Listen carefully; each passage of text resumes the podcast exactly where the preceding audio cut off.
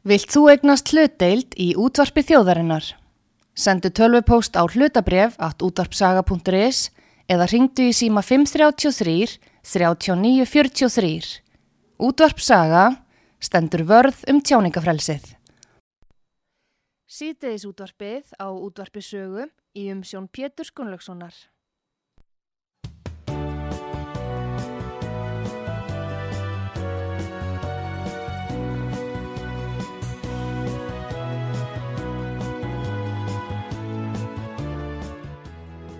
Góðir hlustendur, þið er að hlusta á útvarp sögu. Ég heiti Pétur Gunnlaugsson og gestur minn í þessum þætti er Gunnar Smári Eilsson. Eh, Gunnar er fjölmilamadur og eh, stjórnmálamadur. Velkomin Gunnar til okkar. Já, takk fyrir að bjóða mér. Nú, uh, í þessum kostningum, ef við fyrir að ræðum þær, þá var aðtækilsvert að það voru skoðanakannanir og við höfum rætt í að sögja svolítið um skoðanakannanir. Áhrif skoðanakannana og skoðanamyndandi og ég veit að þú hefur að pælt í þessu. Mér langar að spyrja þig, skoðanakannir bentu til þess að uh, sósilistaflokkurinn fengi meira fylgjana fekk, það var nú 4,1%. Af hverju, hefur einhverja skýring á þessu? Nei, náttúrulega, skoðanakannir benda svo sem ekki til hvernig kostninga fara eftir ykkur vikur, heldur bara að benda til þess hverju staðan þann daginn. Já, já. Og, en- og við mældust þarna, ég man ekki, við fórum eitthvað Átta, fóruð yfir 8%, 8%. 8% en, en það er náttúrulega eitthvað vikmörku í því, þannig að það eru svona... Það eru eitthvað á bilinu. sex menn. Nei, ég held að við erum aldrei náð því, ég held að það verið fimm þegar það var mest. Já, Ég held að- aðalega með fylgið á höfuborgarsvæðinu. Já, en við fengum 4,1 sem eru þrýr menn, þannig að, að það er nú svona í venjulegu landi að það er hérna, þröskuldurinn hér er 5% en hann er hæðstur 4% En í- finnst þér ekki skoðanakannir hafa mikl, alltaf mikil áhrif á Nei, nei, ég er nú alltaf hérna uh, skoðanakannin er náttúrulega bara að það ringt í marga. Já, og þeir eru spurðir hvað þetta sem að kjósa og, og ég sé ekki hérna hvort að sé að hafa ykkur áhrif á, á, á það. Það er nú bara svona eðlilega fréttir að því að segja hver staðan er. En þú, en, en í ég man að þegar ég hafði ég vann svolítið við skoðanakannin þenni í gamla daga hérna í hinnum með göttuna á DFF já, með honum hérna Hauki Helgasinni aðstóðar í stjóra. DFF sem að DFF var með-. Það voru mjög fína kannanir og voru, það voru gerðar áður en að tölvunar voru funnar upp. Við sátum inn í litlu herbyrgi og hann reykti mikið. Já, Reykti alveg heilan pakka með við vorum að reykna út kannanir og reykti þetta á svona pappisnefla bara. já, Og þannig að ég, eh, svona, svo þegar stofnaði fréttablaðið að þá byggum við til okkar eigin kannanir, byggðar á, á aðferðum Hauks Helgasonar og ég man þegar ég var með hérna, pressuna á sínum tíma þá var ég í, í, með hérna, samning við Skáís, Skáís. já, já, já. Þannig ég fylgst með skoðanakonun lengi og eh, eitt af því sem að eh, einhvern veginn var ég að leika mér og þá tók maður uh, að því að fólk er alltaf að velta fyrir þessu hvernig kjósa hinn er óakveðnu og kannski þeir eru þrjár vikur, fjóra vikur til kostninga og þá eru kannski ennþá eftir 25% sem er óakveðnir já. og ef maður berða saman sko stöðuna svona frá kostningum og síðan úrslit kostningana þá er það frekar þannig að þeinu óakveðnu sko kjósa íaldsamara heldur en hinnir. Ég pröfaði svona, gerði mér leik með að reikna margar eh, kostningar áttur og baki tíman og, og deldi hinnum óakveðnu eins og úrslitum síðustu kostninga en ekki eins og sveiflan var og þá komst ég svona nærði, ég er nú ekki að Eru þeir sem eru til vinstri kannski pólitískari heldur en hinn? Mm, Já, já, já, kannski að hérna, þeir sem að, hugsa meira um pólitík, Já. þeir eru búin að taka á, ákvörðun áður. En svo þeir eru að fara að líða kostningum að þá eh, koma fleiri svona inn í salin, getur við sagt, sem að eh, upplifa það að nú þarf ég að fara að taka ákvörðun um hvað ég á að kjósa. Og það er fólki sem hefur kannski minni áhuga á pólitík og tekur kannski afstöðu til bara svona stemmingar og Vinnur á daginn og- og grillar á kvöldin. Já, svona, og ég tekur afstöðu til, eh, sko sigurvera kostningarna voru eh, hérna framsvonarflokkurinn sem að kerði sína kostningabartu á reynum ímyndarauðlýsingum. Það man engin hvaða áherslu framsvonarflokkurinn lagði á nokkur mál. Er ekki best að hafa óbreytt ástand? Er best af óbreytt ástand og svo svona framsvonarflokkurinn er bara svona geðugur, hann er ekkert með allt og harðar skoðanir, hann vil svona sætta ólík sjónamið. Og svo þegar það var spurt um eitthvað, já, hvað með hérna aldrað og svona, já, við ætlum svona að gera svipað og, og ásmundu gerði með börnin, En, en hvað með hérna, öryrkja og svona, já, við erum að um gera eitthvað svipað og ásmundu gerðu við börnin. Og, og, en hvað með svona húsnæðismál, já, við erum að gera eitthvað svipað og ásmundu gerðu við börnin. Eitthvað svo leiðis, það var eiginlega eina sem kom fram í, í og þetta er flokkurinn sem vann mest á að loka metrónum Fannst þér um byrju, það segir okkur kannski, svo ég haldi áfram að klára hugsunum sem ég var með Já, að þeir sem að koma síðastir inn í salin taka síðast ákvarðanir taka kannski ákvarðanir út frá svona já svona bara ímyndarauðlýsingum og öðru slíku. Og við upplöfum það náttúrulega, við erum svolstaflokkurinn, við erum ekki á, á fjárlugum eins og hinni flokkarnir. Hinni flokkarnir hafðu tekið 2800 miljónir úr ríkisjóði á kjörtímanbílinu og eitt öruglega miljardi pluss í kostningabaratuna já, kannski 500 miljónum í byrtingar mm. sem að fylltu alla hérna, fréttatíma, nei, auðlýsingatíma, bæði í sjónvarpi og útvarpi. Og við að náttúrulega eh, gátum ekki kæftu þetta sko, ég held að ok- okkar kostningabarða hafi kostað svona um 5, 5 miljónir og það er náttúrulega, eh, þannig að við klestust bara og maður fann það alveg svona síðustu vikuna, tíu dagana, að, að það bárust ekki erindi frá okkur sko. Það voru í, í fréttum, voru eiginlega ekkert fjallað um kostningarnar, engi kostningamál. Ef ég myndi spyrja þig núna um hvað var kosið, þú ættir í að, uh, þú veist, var kosið um kvóta? Nei. Var kosið um húsnæðismál? Nei. það var kosið um það að, Katrín Jakobsdóttir væri, væri góður hérna þá Það hefði- var nú kannski aðal Þá hefði kannski vakki að fengið fleiri atkvæði. En, Nei, það var svolítið merkilegt að, þeir skildi ekki fá fleiri atkvæði. En það sem að, að það er sérst peningandi skiptu okkur máli, af því að við náttúrulega gátum bara ekki kæft í þessu, þannig að við tókum ekki þátt í kostningabarátunni síðustu tíu dagana. Nei. Og af því að kostningabarátun flutti sér bara yfir í auðlýsingatíma Mm. og voru ímyndarauðlýsingar, Katrín að, að setja þvott í, í Sigur Ingi að segja svona thumbs up eitthvað staðar og ásmundur að fara í sund og, og eitthvað svona og hérna, sjálfstæðismenn í heiðríkju eitthvað staðar hlæjandi og að gladir að tala um landtækifærana og þetta er náttúrulega er ekki pólitík sko, þetta er svona bara ímyndarvillesa og við gáttum ekki tekið þátt í því. En, en síðan er nýðustada kostningarna eru það að þeir flokkar sem að lögðu til breytingar á samfélaginu bæði eins og við viðrist sem að laði til breytingar í gjaldmilamálum og í kótamálum samfylkingin laði til, hérna, ég veit ekki hversu hart eru lögðu til hérna, Evruna eða Evrópusambandið, þeir voru með svona tilugur um svona smá breytingar í skattamálum og eitthvað svona. Píratanir lögðu til einhverja breytingar uh, skattatilugna þeir voru svona breyttust eitthvað á leiðinni en að það voru tölverðar. Að þetta eru flokkarnir sem að tapa á síðustu metrónum í kostningabarutunni og tölverð miklu sko. Því að ég tók þetta saman svona síðustu tvær vikunar að þá er það viðrist sem að tapar mestu yfir 3% stygum, Já. við og, og píratanir svona tveimur og hálfu, samfélgi ekki svona tveimur og hérna við ætlum eitthvað neitt flokk hérna sem að, Miðflokki. Já miðflokkurinn svona einu, það var Já. eiginlega búin að tapa svo miklu áður. Já, þeir eru voru náttúrulega með, eru með sterkar skoðanir í Já, mörgum já, málum. en þeir sem að unnu á voru annars vegar fransalflokkurinn sem var bara með þessa ímyndar og eigum við nokkuð að vera að tala um pólitík ef ekki bara að halda áfram eins og óbreytt er og svo flokkur fólksins sem að leggur til sem er ólíkur flokkur heldur en sóstaflokkurinn því að Já. sóstaflokkurinn leggur til Ak akkur gekk þeim svona vel? sóstaflokkurinn leggur til uh, hérna, grunnbreytingar í samfélaginu Já. en, en flokkur fólksins leggur til lagfæringar að kjör, örkja og eftirluna fólks verði lagfærð innan óbreytt kerfis Þau- þetta er ekki svona Nei, þeir eru ekki, þeir eru ekki. Þeir eru ekki róttakir, þetta er ekki nei. og, og Inga hefur talað um að hún sé brú á millina fátak og ríku þannig að þetta er svona mjög borgaralú flokkur en þau vinna á flokkarnir sem ekki vilja leggja til mikla breytingar. Og þá er það þannig að annarkvort er það þannig til þess að ná fram einhverju breytingum í samfélagi að þá þarf það að vera með skýran valkost og svo þarf það að gerast sem að væri hægt að kalla að lögmæti stjórnvalda falli.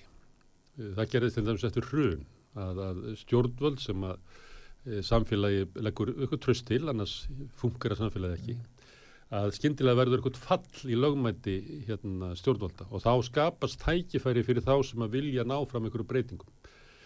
Og lögmæti stjórnvalda eftir COVID og eiginlega enga samfélagsumræðu í tvö ár e, linnulösa bladamanna fundi ríkistjórnarina þar sem að þau voru að bóða það að þau voru að passa okkur og þau voru að hugsa um okkur allan daginn og, og allt þetta að, að kannski tikkaði þetta inn þannig í lókin. Þú er sammála miðflokknum þá að þetta hafi skadað pólitíska umræðu. Já, það var náttúrulega bara Engi. pólitísk umræða Nei. í gangi og ég menna fjölmilanir hljóta að velta þessu fyrir sér, eh, kannski sérstaklega rúf, Já. að eiginlega í næstu í tvö ár er COVID fyrsta önnur og þriðja frétt Já.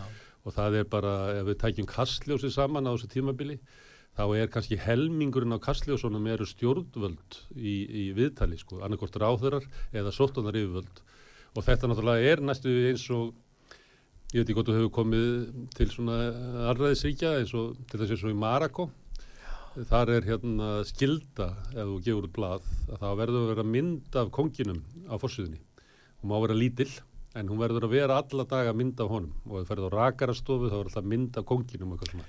En að ég COVID ástandið var eiginlega svona á Íslandi. Það var eiginlega mynd af sko ráðurum sem að voru að fara með valdið fyrir hönd okkar og passa okkur eins og kongurinn í Marako heldur fram að hans að passa sína þegna eins og sættir að, að þetta var eiginlega ástæðið í COVID. Þannig að það var eiginlega um, umræða um, um húsnæðiskreppuna það var og, og, og það hefur verið oft bent á það að, að svo degla sem er erlendis um svona breyttar hugmyndur um ríkisfjármál breyttar hugmyndur um sjálfstæði seðlabanka að þessar hugmyndir bara kom ekki til Íslands En uh, þú sagðir í kostningabarátunni að þrósilistar berðu var að berjast gegn nýfrjálsíkjunni en uh, þú sagði líka að nýfrjálsíkjan væri hrunin sem Já. hugmyndafræði Já.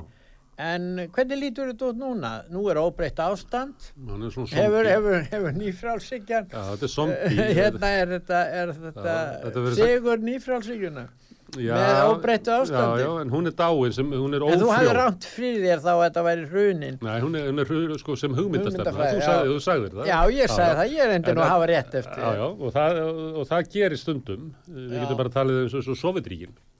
Sovjetríkin, sko, kerfi þar sem hugmyndastefna var hrunin 1970 síðan lifði hún í 20 ár sem svona zombie hugmyndastefna. Og þá var það þannig að verið, þú hefur verið með útarsögu í Sovjetríkjunum Já. og ég komið inn sem bladamaður og svona áhagamaður um stjórnmál að þá hefðu við talað eins og Sovjetríkin væri í lægi eða kerfi væri í lægi þótt að við bæ, báðir efuðust um það. En valkosturinn á móti sem þetta væri einhver annar valkostur fyrir okkur heldur en sko Sovjetkerfið það var bara ekki orðið til og það er það sem að, að getur gerst með svona fallnar hugmyndastefnur En hefðu þið- að það getur haldið áfram hugmyndastefnur haldið áfram vegna þess að valkosturinn á móti hefur ekki orðið til. Og við gerðum það, sósialistar alveg át á jæðri stjórnmálana komum með valkost á móti nýfrálsíkinni en til þess að við næðum árangri þá hefði kannski sko stjórnarhanstæðan á þingi þurft að koma með eitthvað valkost á móti stefnu fráfærandi ríkistjórnar þannig að það væri raunverulega á dasgrá sko kostningana að það væri möguleiki á einhverju breytingum. Það var svolítið erfitt fyrir okkur sem bara stjórnmálaflokk grásrótarinnar út á götu að stilla okkur upp sem mótvægi við sjálft ríkisvaldið, stæðstu stjórnmálaflokkana, allt kerfið því að, að sko anst, enna, mótvægið innan stjórnmálana samfélking, viðreist, píratar eh, til dæmis hins svo kallaða frjálsveita miðja, hún náði ekki í kostningabaróttunni að verða mótvægi við, við hérna, ríkistjórnarflokkana sko. Þannig að valkosturinn var aldrei, raunverulega, ef þú pælir í því og ferðið við kostningabartuna, þá var aldrei raunverulega valkostur um einhvern annan kost þetta þessar ríkistjórn. En uh, þið talið um nýfrjálsíkja að gera það og gerið. En akkur er kallið þetta ekki bara pilsfaldakapitalisma? Ég minna á Íslandi er ekki, er alltaf hægt að segja hér sé nýfrjálsíkja. Hér það þannig að nú það er auðlindin, við vitum hvernig uh, stórútgerðin starfar hér. Við höfum lífeyrissjóðana sem er að fjármagna fyrirtæki fyrir einhverja elitu að gerfi elitu þess vegna. Og þetta er pilsfaldakapitalismi í raun og veru. Nýfrjálsíkjan, minnst sko eða frjálsíkja, ég má segja svona í tærustu mynd, gengur ekki út á þegar ríkið og einhverjur aðri síðu þarna heldur bara að verða menn að standa og falla með það er- því og mega verðins ríkir eins og þau vilja. Það er góðsóknin sko. Já, það er góðsvögn en hvernig það þannig, en hér byggir þetta mikið á fákeppni, einokun, lítill áhuga á samkeppni, það vistu vel. Og þetta er svona tengs ríkis stjórnmálamanna og viðskipta aðila og þeir mynda þarna ákveði bandalag og, og hérna koma sér þannig fyrir. En, en akkur kallar þetta þá nýfrjálsíkju Það- mér mér finnst þetta ekki ef við berum þetta Já. sama við við, við uh, nýfrálsíkja eins og stað kannski í Hong Kong á sínu tíma eða eitthvað þýrlegt. Já, það sem að gerist sko í nýfrálsíkinni er að, að ríkisvaldið er dreigið tilbaka í afskiptu sínum að markanum. Er Og, það? já, það, það er kenning nýfrálsíkinar. Já, en það gerist á Íslandi? Já, nei, byttu, en það, það er kenningin sko. Já. Og það, byttu, og það sem að gerist þá er að fyrirtækin, hérna, þá þróast þau bara eh, án afskipta og, og það leiðir til einogunar og fákjefni og það verða til mjög fá stór fyrirtæki sem er drottna yfir markanum og í krafti auðsins fara þau að drottna yfir stjórnmálunum og í gegnum uh, hérna, völdsinn í gegnum stjórnmálinn aðlæga þau ríkisvaldið þannig að þau þjóni sér sem að leiði til pilsfalda kapitalisma. Það er hérna, auðvaldi verður svo stert og ég er í svo fáum höndum að örfátt fólk hefur mikil áhrif þá sveigir það ríkisvaldi þannig að þjóni bara sér. Nú, við sjáum þetta í dag að hérna, uh, ég sá frétt í morgun að lesturinn á mokkanum undir 50 verður komin undir stundina Já. og þá var ég að, að rifja upp í, í huganum, að þú mannst á tíund áratögnum að þá hætti ríkið að hérna, auglýsa í flokksblóðunum Já. og, og dróða tilbaka sem að þetta var svona stuðningur við hérna, margrætta ratta fjölmjölun uh, undir flokksræðir endar en, en allt í lagi, við fengum hann að þjóðviljan og allþýðblaðið og tíman og, og fengum svona fleiri blöð. Og þá var, hætti ríkið að styrkja þetta. Og þá dóu þessi blöð en flokksblöð hægri sinns heldur áfram sem er morgumblaðið og, og viðskiptablaðið og, og síðan endaði fréttablaði í höndunum á, á mönnum í kringum viðreist og svo þegar þessi uh, eigandur lendi í vandraðu með reksturinn sinn að þá byrja ríkið að styrkja þá beint. Þannig að, að, að munurinn uh, tökum að segjum að flokksblaða væðingin hafi verið tilerið í svona gamla tímanum á undan ífrásökinni hún var um það að ríkisveldunum var breytt til þess að hafa að, að allir svona skoðanahópar hefðu sína fjölmjölun en þegar við erum komin í gegnum nýfrásvíkjuna að þá eru eh, stuðningur ríkisveldsins bara til hinn ríku og efnamiklu. Ég bara tek svona bara lítið dæmi. En, en við tökum svona... Ég held líka að við höfum rætt þetta Pétur að ég var að reyfja upp að við hérna þegar ég var barn að þá hafi verið sko 11 tryggingafélög í- Reykjavík, nú eru þau bara þrjú, að það- þá varu hérna, ég, ég bjó í Vogakörn á tímabili, þá var langólskjör og hérna, heimaver og vogaver, nei heimakjör og vogaver og hérna k- kjölur held ég einbúðin að veita. Nú er þetta bara, hérna er matvæla dreifing og sala í Reykjavík bara höndunum á, á tveimur og halvur í stór keðju.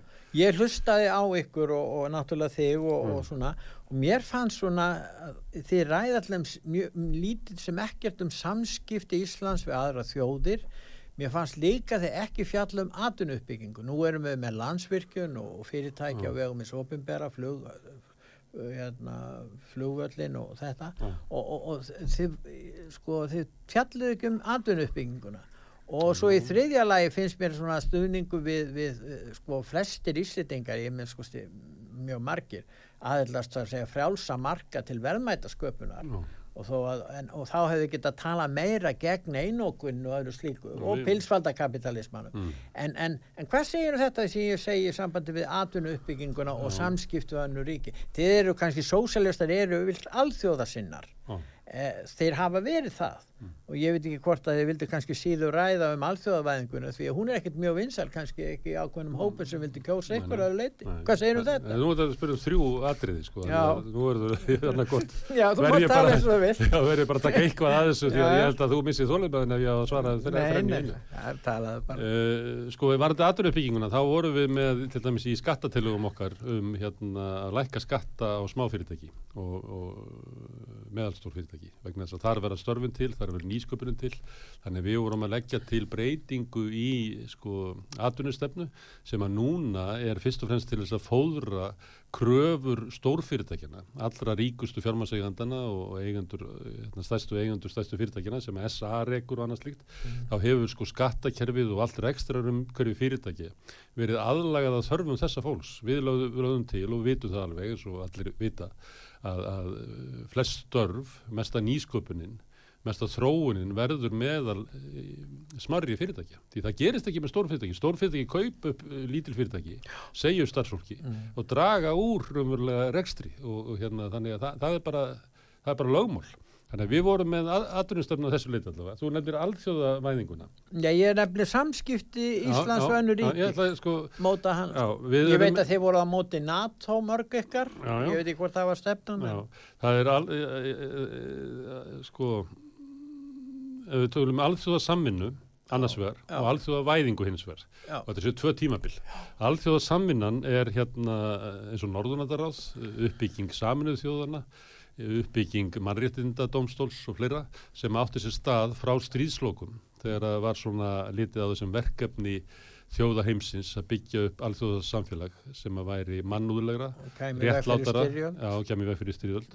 Þetta er, er, ákveðið tímabil sem að við styðjum við styðjum svona alþjóðasamling síðan ertu komin í alþjóðavæðinguna sem að verður til upp úr svona fullum kraftu eftir 1980 sem að tilheri nýfrjálsvíkju tímanum og er Tengist Evrópusambandi. Já, og er, það sem drífur hana áfram er að, að í, eftir oljukreppuna og, og verðbólgu og, og hérna, minni hagvöxt á 8. áratögnum þá var litið svo á að vand, eftir stríðs ára hagkerfið sem að byggðist á sterkum verkefliðsfélögum sem að gáttu knúið fram launahækkanir inni í lokuðum hagkerfum í þjóðuríkjana að það myndi ekki ganga upp því að það myndi leiða til vikslverkunar verðlags og, og launa þannig að það myndi sjóða upp úr og það erði stöðnun. Og þa þá var lausnið svo að taka lokið af þessum potti áður hann myndi sko springa og uh, hérna, búa til uh, alþjóðlega samkeppni bæðum vörur en ekki síður um vinnuafl. Þetta leiti til þess að mikið af sko, verksmiðjum og öðru slíku voru fluttar frá Evrópu og, Bandaríkjónum til Kína og, og síðan leiti það líka til frjálsflutningsvinnuafls á milli landa til þess að halda aftur af launahækkunum hjá almenningi. Þessi alþjóðavæðing sem er fyrst og fremst á forsendum sko stórfyrirtækja við erum ekki hlint henni og, og að, að Þetta er Evrópusambandi. Nei, já, býtu, Evrópusambandi byrjar í alþjóðasamvinnu hugsun en endar síðan í alþjóðavæðingu stórfyrirtækina og við erum, hérna, við erum ekki hlind aðild að Evrópusambandinu En og við erum heldur ekki hlind aðild Evrópska að efnarsvæðinu.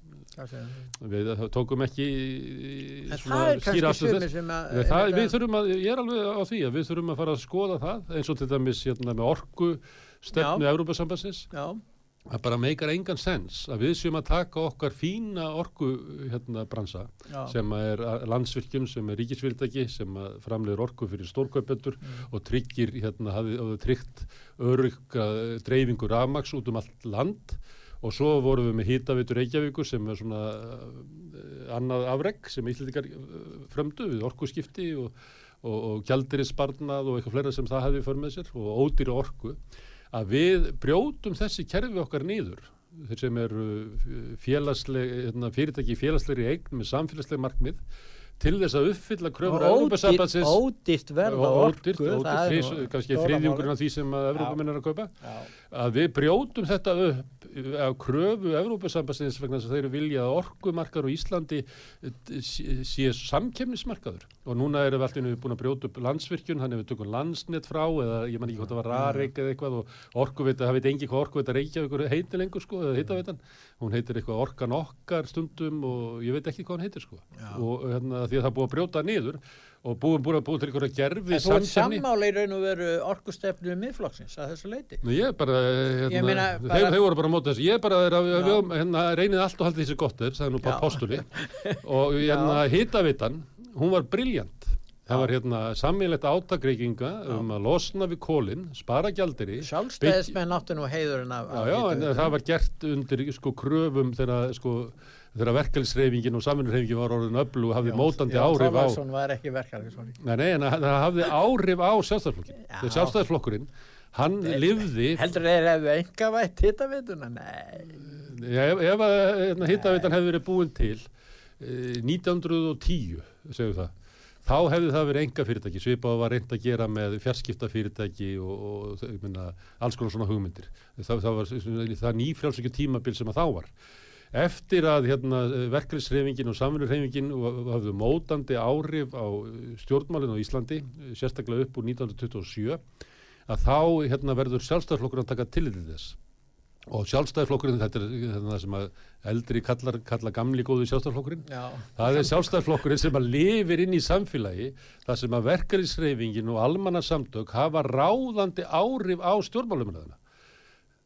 stjórnmálumræðina Þú talar um flokkin eins og sjálfstæðisflokkur sem er svona vondur kall sem er haldið í skefjum af svona einhverjum siðferðisvörðum til að Ja. halda niður í um, slæmar kvatir eitthvað Já, ég svona. meina þeir þurftu bara, ég meina alveg sjálfstæðarflokkurinn er stundum að stæra sig af því að þeir hafi samþýttit og þetta, en það er yfirleitt eftir sko tíu ára kröfur verkefnisreifingar og flera. En er, ef þú lítur tilbaka og þú þekkir náttúrulega svolítið sögu sjálfstæðisflokksins, þá er sjálfstæðisflokkurinn var aldrei neitt nýfrjálsíkju. Ekki, Ég meina hér voru nokkrir heilsalar og kaupmenn og erfáður útgerðamenn og hér voru hér smáfyrirtæki, jú, jú, en hér var aldrei hægt að tala um einhverja nýfrjálsíkju innan sjálfstæðisflokk. Sjálfstæðisflokkurinn lagði áherslu á þrennt, aðilda Atlasarspandalagin og hafa hér hér, eh, stjórna Reykjavíkuborg og leifa svo fólki að byggja sín hús í friði og fá lóðir ódýrar. Þetta var nú stefna sjálfstæðisflokksins, var það ekki nokkuð nú- veginn? Já, það var náttúrulega heldu slælugu skatta, skatta eftirliti og flera. Já,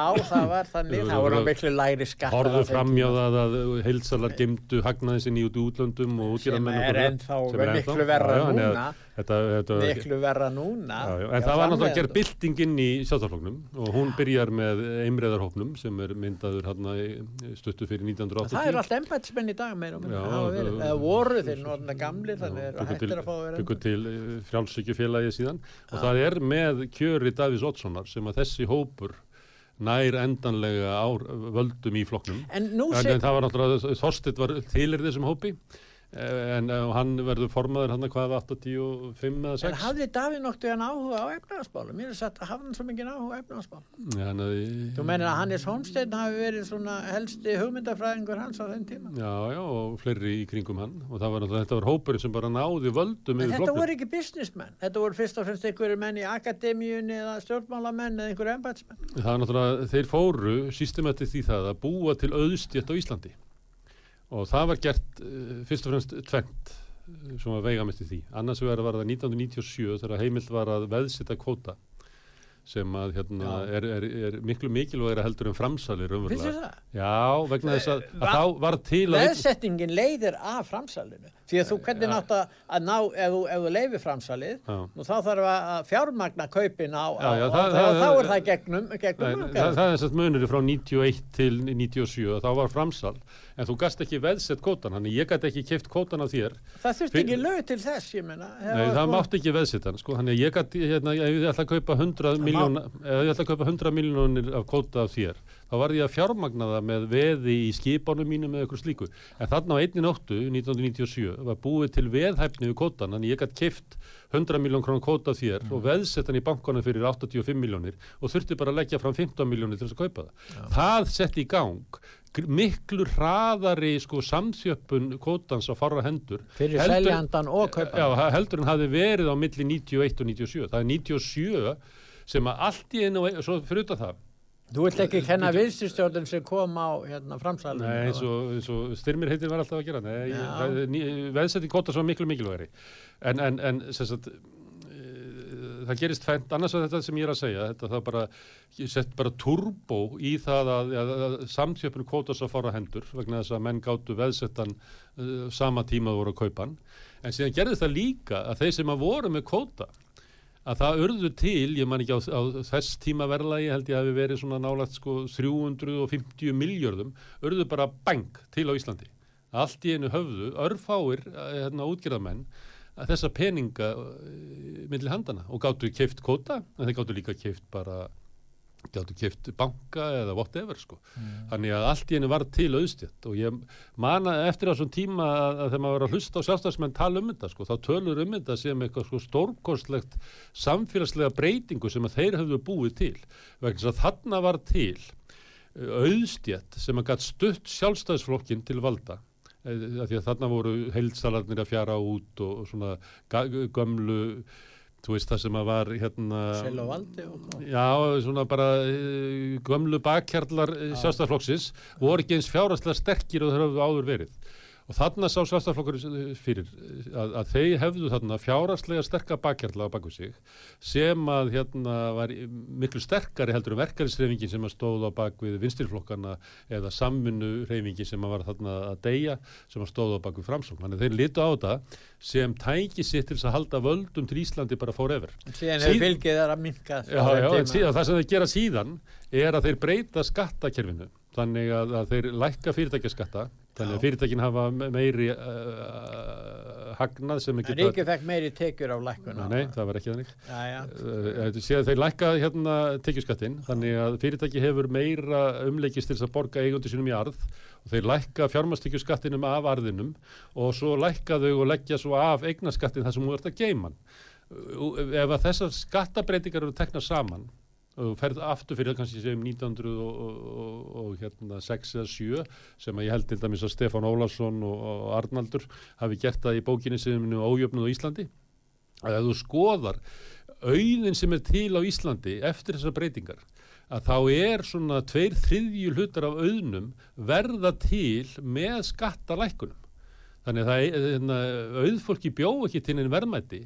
Þau, það sapnaðist bara upp auður sem að í gamla skattkerfinu hafði verið sko dreift út á meðal almennings til að gæta þess að hér er ekki bara til örfár rosalega ríkir sem að stjórnuðu öllu. Eh, að, að þetta bara sapnaðist upp. Þannig að það er, þau byggu til auð með því að heima veðsetning og kóta og þau byggu til auð með því að hætta skatleikja en ríku. En mistjættin var látin borga skattan. Já, svo er náttúrulega, já, þegar þú sagðir hérna, já, en þá hérna lækkuðu skattana, eða þá jöku skatttekjurnar, það nefnilega gerðist ekki, vegna þess að það var lofurðið að það myndi gerast. Það gerist ekki mm. og eftir þetta þá hefur margt gerst. Það var hafinn gjaldtaka fyrir ofinbjörða þjónustu, bæði í mentakerfinu og heilbíðiskerfinu. Já það var hérna skorið niður vakstabætur og barnabætur sem almenningur hafið fengið. Það var gert síðan. Það var seldar ríkisegnir til þess að vega upp á tapið á ríkisjóði, þú veist, seldur símin og bankanir og allt rastlið sem átti að hérna, laga stöðuna og svo var náttúrulega sem var lang alvarlegast að það voru lagðir skattar á millitíki fólk og fátatfólk. 1991 áður nýflöskan kemur að þá var engin skattur á legstu tekjur á vinnumarkaði, engin skattur á örorkubætur, engin skattur á legstu eh, eftirlaun, en í dag er það sá sem er með sko legstu launin út á vinnumarkaðunum, hann er að borga sko 50-60 krónur í skatta. En er það ekki þess vegna sem fylgi sjálfstæðisflokksins hefur minkað? Eða ekki út af þessu þó að þessi lítið talaðum Jú, það. gamli góði sjálfstaflokkurinn, ef við trúum því notu það bara hugtak, hann þjónaði mörgum hóp miklu betur launafólki. Já, og kannski svona yðnamönnum, sjómönnum og eitthvað fleira En eftir 1991, eftir 1991 er hann bara fölskvalauðs hagsmunagessla fyrir hann allra ríkustu. Það er ekki hægt að finna neitt mun á stefnu sjálfstaflokksins og viðskiptaráðs og samtaka aturlýfsins og samtaka aturlýfsins er ekki samtaka atunulífsins, allra, allra sem eru þar. Nei. Heldur er það bara hérna, allra sterkustu fyrirtækinn sem er stjórnalíninu þar. Stóru útgerðin. Þannig að sjálfstaflokkurinn hefur rekið hagsmunni 0,1% ríkasta fólksins á Íslandi og þess vegna er hann bara með 24% fylgi. Góði hlustendur, þið er að hlusta á útvarpsögu, ég heiti Pétur Gunnlaugsson og gestur minn í þessum þætti er Gunnar Smári Eilsson, ég er að ræða við hann og við ætlum að fá núna að hlýða á ölsingar og eftir ölsingar hlýða þá höldum við umræðinni áfram.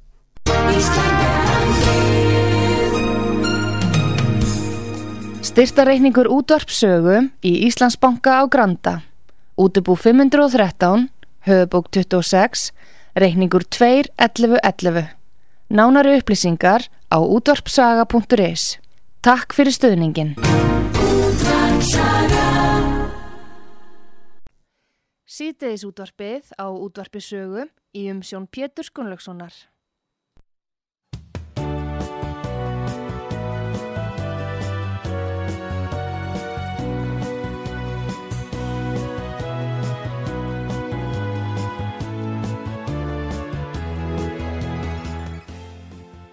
Góðir eh, hlustendur, er að hlusta á útvart sögu, ég heiti Pétur Gunnlaugsson og gestur minn í þessum þætti er Gunnar Smári Egilson, eh, stjórnmálamæður og fjölmílamæður. Nú Gunnar, eh, þú komst með þá tilögu í kostingabarátunni um að hérna um að skipta upp fyrirtækjum eins og til dæmis samherja sem væri í þessari stöðu hér. Þeir eru náttúrulega engöngu í útgerðarstarfsemi, þeir eru á mjög mörgum sviðum eh, hérna atvinnulífsins og, og alltaf sér stóran hlut þar. Hvað segir um þessa hugmyndina? Nú er, er alveg hægt að samþykja lög á Íslandi sem gæti gert þetta og það gerist við út í Já. heim. Og Hvað hefur oft útfærðu þetta svolítið? Vegna þess að það var kannski ekki nóg mikið rætt um þetta sérstaklega svona kostningabaráttu. spurður um þetta eh, og þá var það oft látið svona eins og það væri sko rosalega róttæk og svakaleg hugmynd sem þetta er ekki sko vegna þess að, að við tölum áðan um orkustöfnu Európa-samansins og það er breytingar sem að Íslandingar hafa þurft að gera á landsvirkjun og hittavitunni.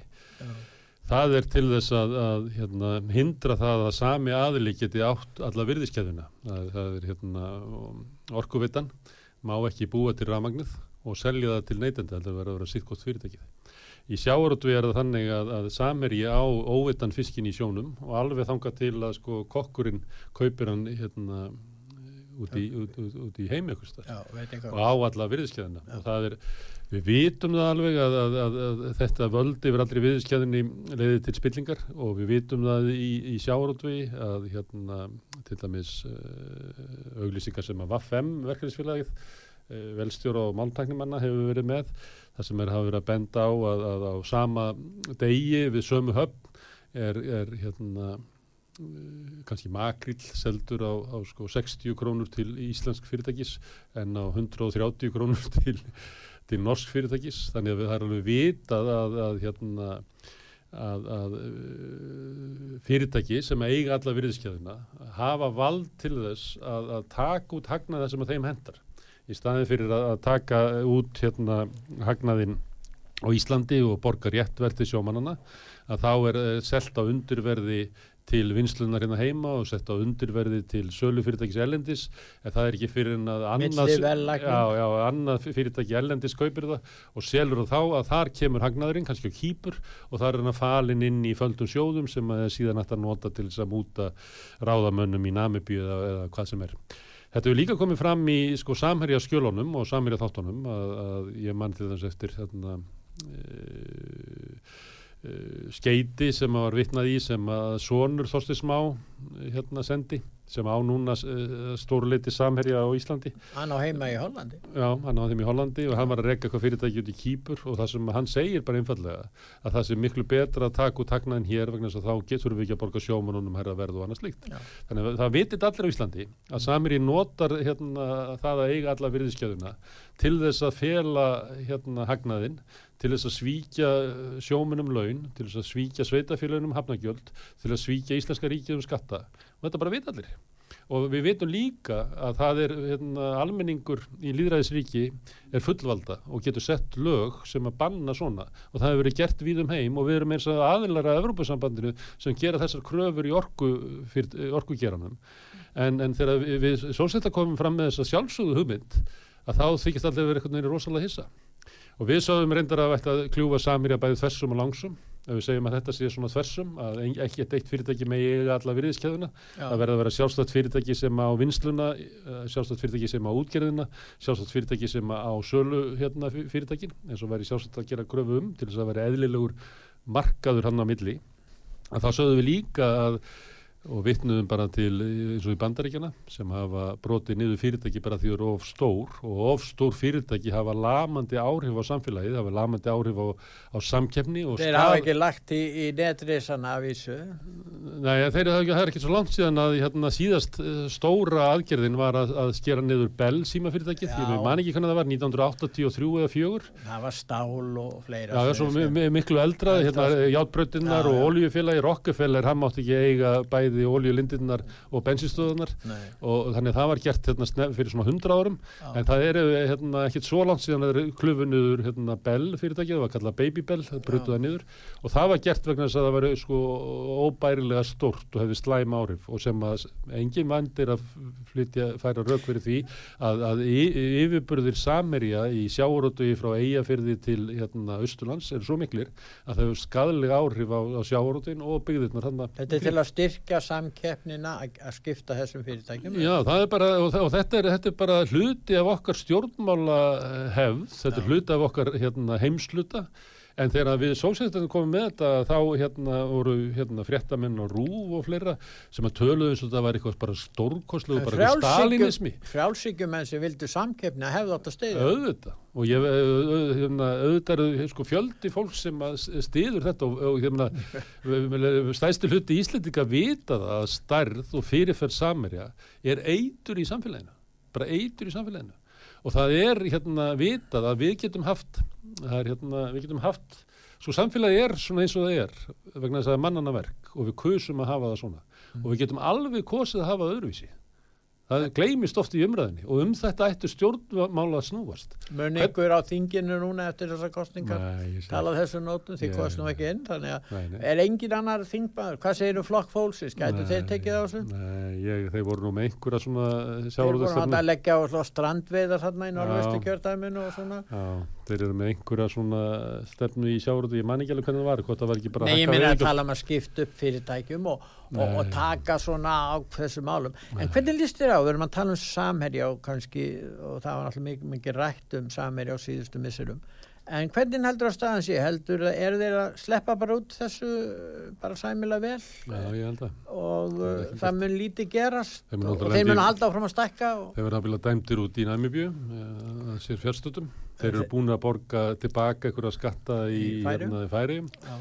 Þannig að það er vona á að aðra þjóðir nái svona að þrengja eitthvað að þeim. Eh, Ég hef enga sérstaklega trú á hérna, sérstaklega saksóknara. bankavískitið er í Noregi, það varð ekkert úr tí. Þá sem er eh, saksóknari núna, hann var sérstaklega saksóknari og hann upplifði það þegar ríkistjórn uh, Sigmundar Davís og, og Bjarnar Ben tók við Já. að þá var bara skorið niður framlögin til hans þannig að hann gat ekki haldið áfram rannsóknum á málum þannig ég held að hann viti alveg sko hvernig Íslands samfélag virkar sko þannig að ef hann fer eitthvað á langt með hérna samirja máli þá verður Þeir bara eru nú eða orki í alls, ko- alls konar mál þarna, Já. ég er að sagja svo það, ég ætla nú ekki bara að tala um það hér. Nei, nei, en, en það er ekki sko stórumálin sem eru Nei, nei, þeir eru að einhverjum sérstökum. Nei, nei, það er bara að vitað og ég menna Ísland er spilt land og það er ekki bara ég sem held ég fram að þegar Íslandika sjálfur eru spurður að því að þá hafa þau svona sambarilega afstöðu til spillinga stjórnvalda og rússar til rússneska stjórnvalda. En hvernig er hægt að minka spyrninguna meða við það ástand og, og hvernig valdaskiptingin er í landinu?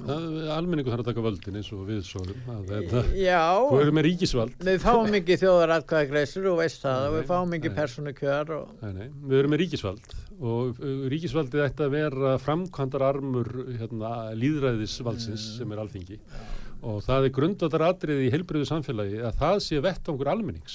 En er ekki Býttu, leiðum bara aðeins fulltrúalið? að klára hugsunna vegna að það- að leið og hleypir sko auðvaldinu innum ríku sem hafa óheirileg völd út í samfélaginu inn í, til þess að hafa völd á alþingi og í stjórnkerfinu og í ríkisvaldinu að þá ertu komið með það sem er kallað sko ólíkarkismi Já. og er ekki bara vandamál í Íslandi heldur, ég nefndi Rúsland áðan og bara öll Ístur-Európa sem er dæmi um hvert nýfrálsíkjan leiðir vegna þess að þar var Sovjetið felt og nýfrálsíkjan tekin upp í staðinn allar eignir almennings seldar í kvelli og, og, og það leiðir til svona undarlegs uh, ólíkarka fasisma ástand sem er í Östur-Európu.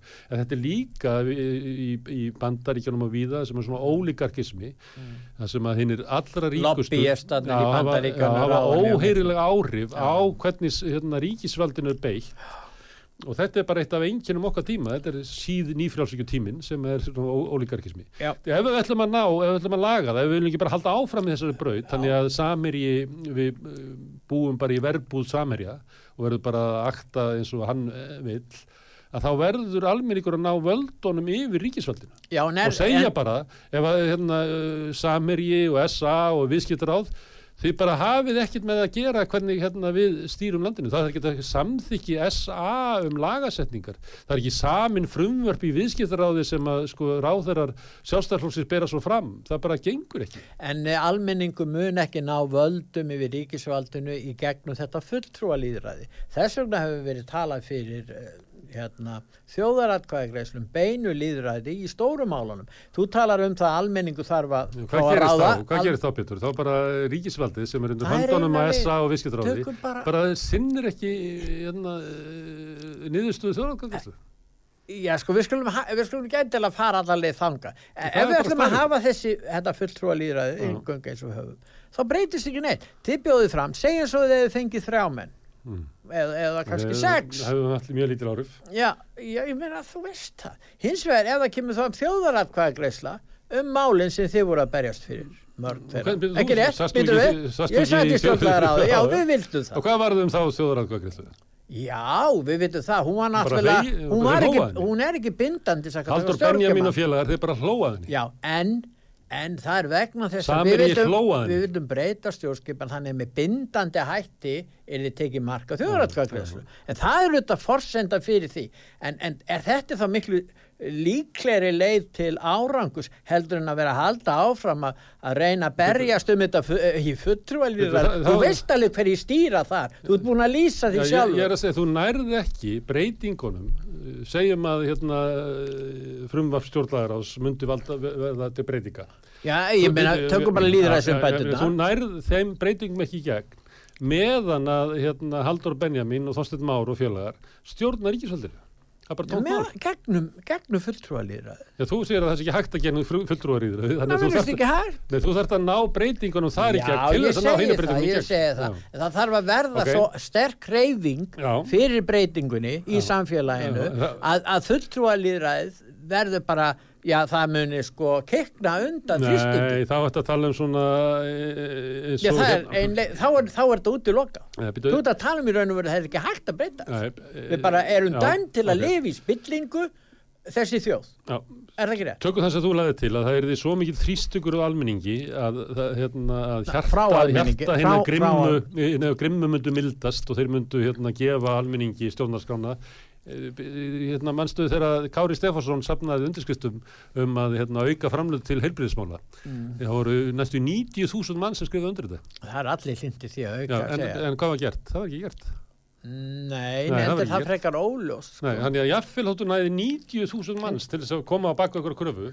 að þá bara, þe- þeim er alveg En- sama en telur ekki- sama en telur ekki að meiri líkur á því? leiðin, leiðin er að styrkja verkefnisreifinguna styrkja almannasamtök í baráttu sinni ef við ætlum að ná okkur um breytingum að þá verðum við að vera tilbúin til þess að fara í verkvöld til þess Já. að la- laga húsnæðismálin. Já. við verðum að vera tilbúin að fara í verkvöld til þess að losna við gjaldtöku í heilbyrðiskerfinu við verðum að vera tilbúin að fara í verkvöld og ykkur aðgerðir til þess að áriða á samfélagi og við tölum, áðan, við tölum áðan um gamla góða sérstaflokkin þar sem hann neittist til þess að taka afstöðu e, út frá hérna, sterkum almannasamtökum. e, þa þá voru menn í sko, verkvöllum til að knýja á um atuleysistryggingar, knýja á um almannatryggingar, knýja á um veikindarétt, knýja á um að fá sumafrí okkar fleira, þá voru menn í raunvörunum aðgerðum til að knýja á um breytingar. Og þannig náðust breytingarna fram. Það er náðist ekki fram með því að, að ég og þú sem að skrifa ykkur á velvægðagreinar. Nei, en sko það sem maður getur gert, þú ert að tala um verkfall, ef það væri allserjar verkfall Já, til dæmis, Já. bara hugsa um okkur það, já, það allserjar verkfall já. og þá, þá náttúrulega er alveg ljóst að það hefur áhrif og þá verða menn að gefa eftir. Skilur, þa þannig að þú ert búin að viðkjæra það að- að engungu ef við erum með þetta fulltrúa líðræði, það duga bara ekki til. En þá er ég að tala um sko skipulag hérna, almannasamtök, af því að það er munur á þessu. Ef við tökum til dæmis eins og hérna, baráttuna fyrir hérna, stjórnarskráni sem að voru að mála hérna, skilt út um allt og safna ykkur um undirskriftum og hvað fleira. Þetta er svona, þetta er svona hugmynd um það að, að ef almenningur lætur vita um vilja sinn að þá hérna, muni stjórnvöld sjá af sér.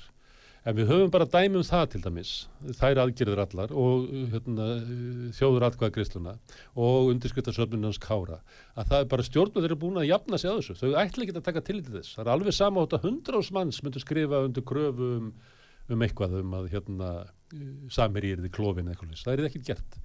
Eina leiðin er að vera með skipulagt starf í verkefælsreifingu, í leyendasamtökum, í neytendasamtökum, í, í samtökum, þú veist, alls konar hópa sem að bara vinnur skipulagt af því að ná fram einhverjum samfélagsbreytingum.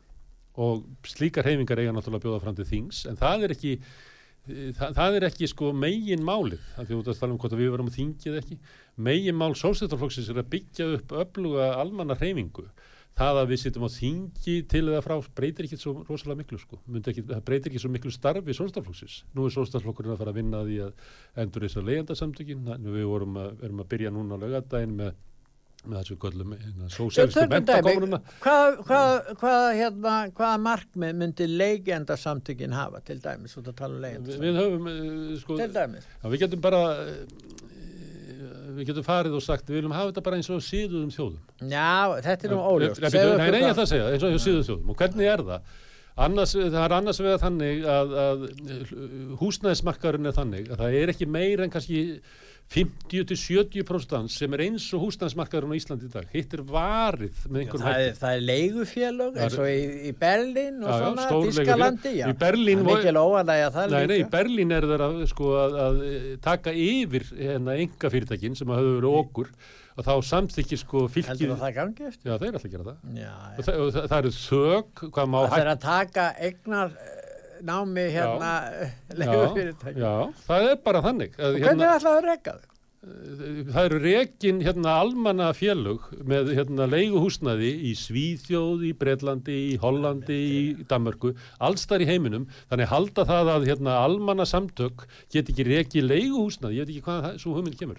En þetta er eitt að það verður að stækka þann hluta leigumarkarinn sem er varin fyrir bröskurunum.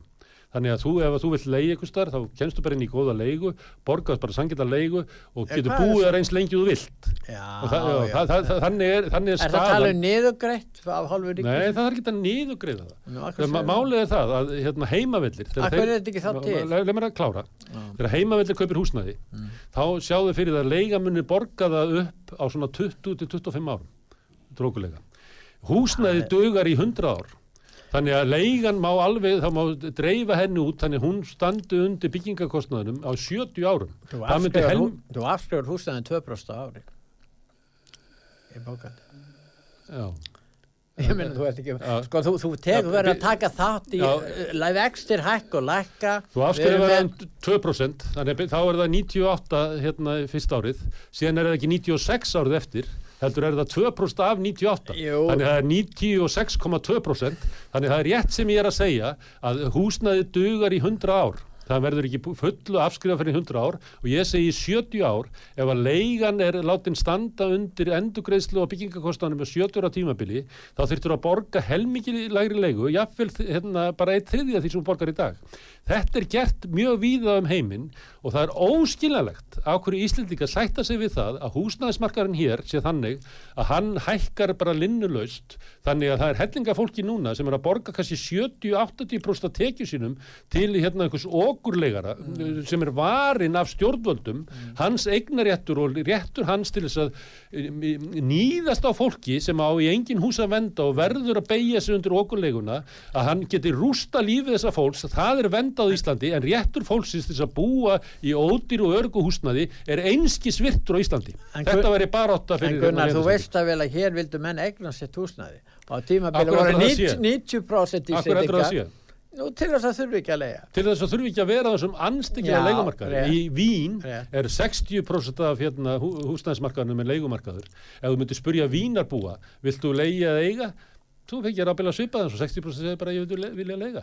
Leia. Þannig að það- þetta er sama dæmi og er að vera að nota núna til engaveðingar á, á heilbriðiskerfinu með því að brjóta niður óbyrgt heilbriðiskerfi þannig að fá laga þjónustu sér langi byggðlistar og þá kemur sjálfstæðarflokkur til þín og segir er þau vilt ekki bara við engaveðum þetta og látum hérna, hérna einhvern flokkskæðingin stopna fyrirtæki til þess að reka þetta og þá segir þú já og þannig fá þeir þetta yfir. Með því að reka í íslenska húsnæðismarkað þannig að þessi óbærilegt óbærilegt að vera leikumarkaði auðvitað svara fólk það er besta sem ég geti hent mig ef ég ætti efna á því að fara inn í og kaupa mér húsnæði. Þegar fyrir sko það er ekkert mjög langt síðan að leiga á Íslandi var mjög lág. Það er ekkert mjög langt síðan að, þegar að menn voru að leigja ef einhver átti einhverja íbúð auka þá var leigan bara mjög lág. Þetta breytist eins og að verulega hefur breyst á með Davíð þessari félögum það hefur breyst verulega. Já, og þegar þú talar um það við getum svo lengi tala um sem leigufél og það er svo margt að segja. Þetta var sett á stopn eftir stríð og, og þetta var í, til dæmis í Þískalandi þá voru alls konar hlundindi til þeirra sem að vildu stopna leigufélug það var alls konar þetta er svona ákveðin saga sem við þurfum að fara í gegnum til að skilja hvað átt sér stað. en, í dag, en í dag Mm. þá er eldri borgar í, í Þískalandi skítrættir um sína stöðu því að leigan hefur hækkað Já. og staðan vestan Og þá- við erum, við erum að vera búin með, með hérna, nú erum við að fá koma að ræða, hérna þú ræða setna bara um, um húsnæðismarkaðinn. Já, við skulum gera það. Ég þakka þér fyrir að koma til okkar Gunnar og ég þakka hlustendum út var sögu fyrir að hlusta en nú kemur ákveðin hópur sem heitir öfgar eða ég veit ekki hvort það er öfgahópurinn og það á að fara að ræða um kynferðisbrók.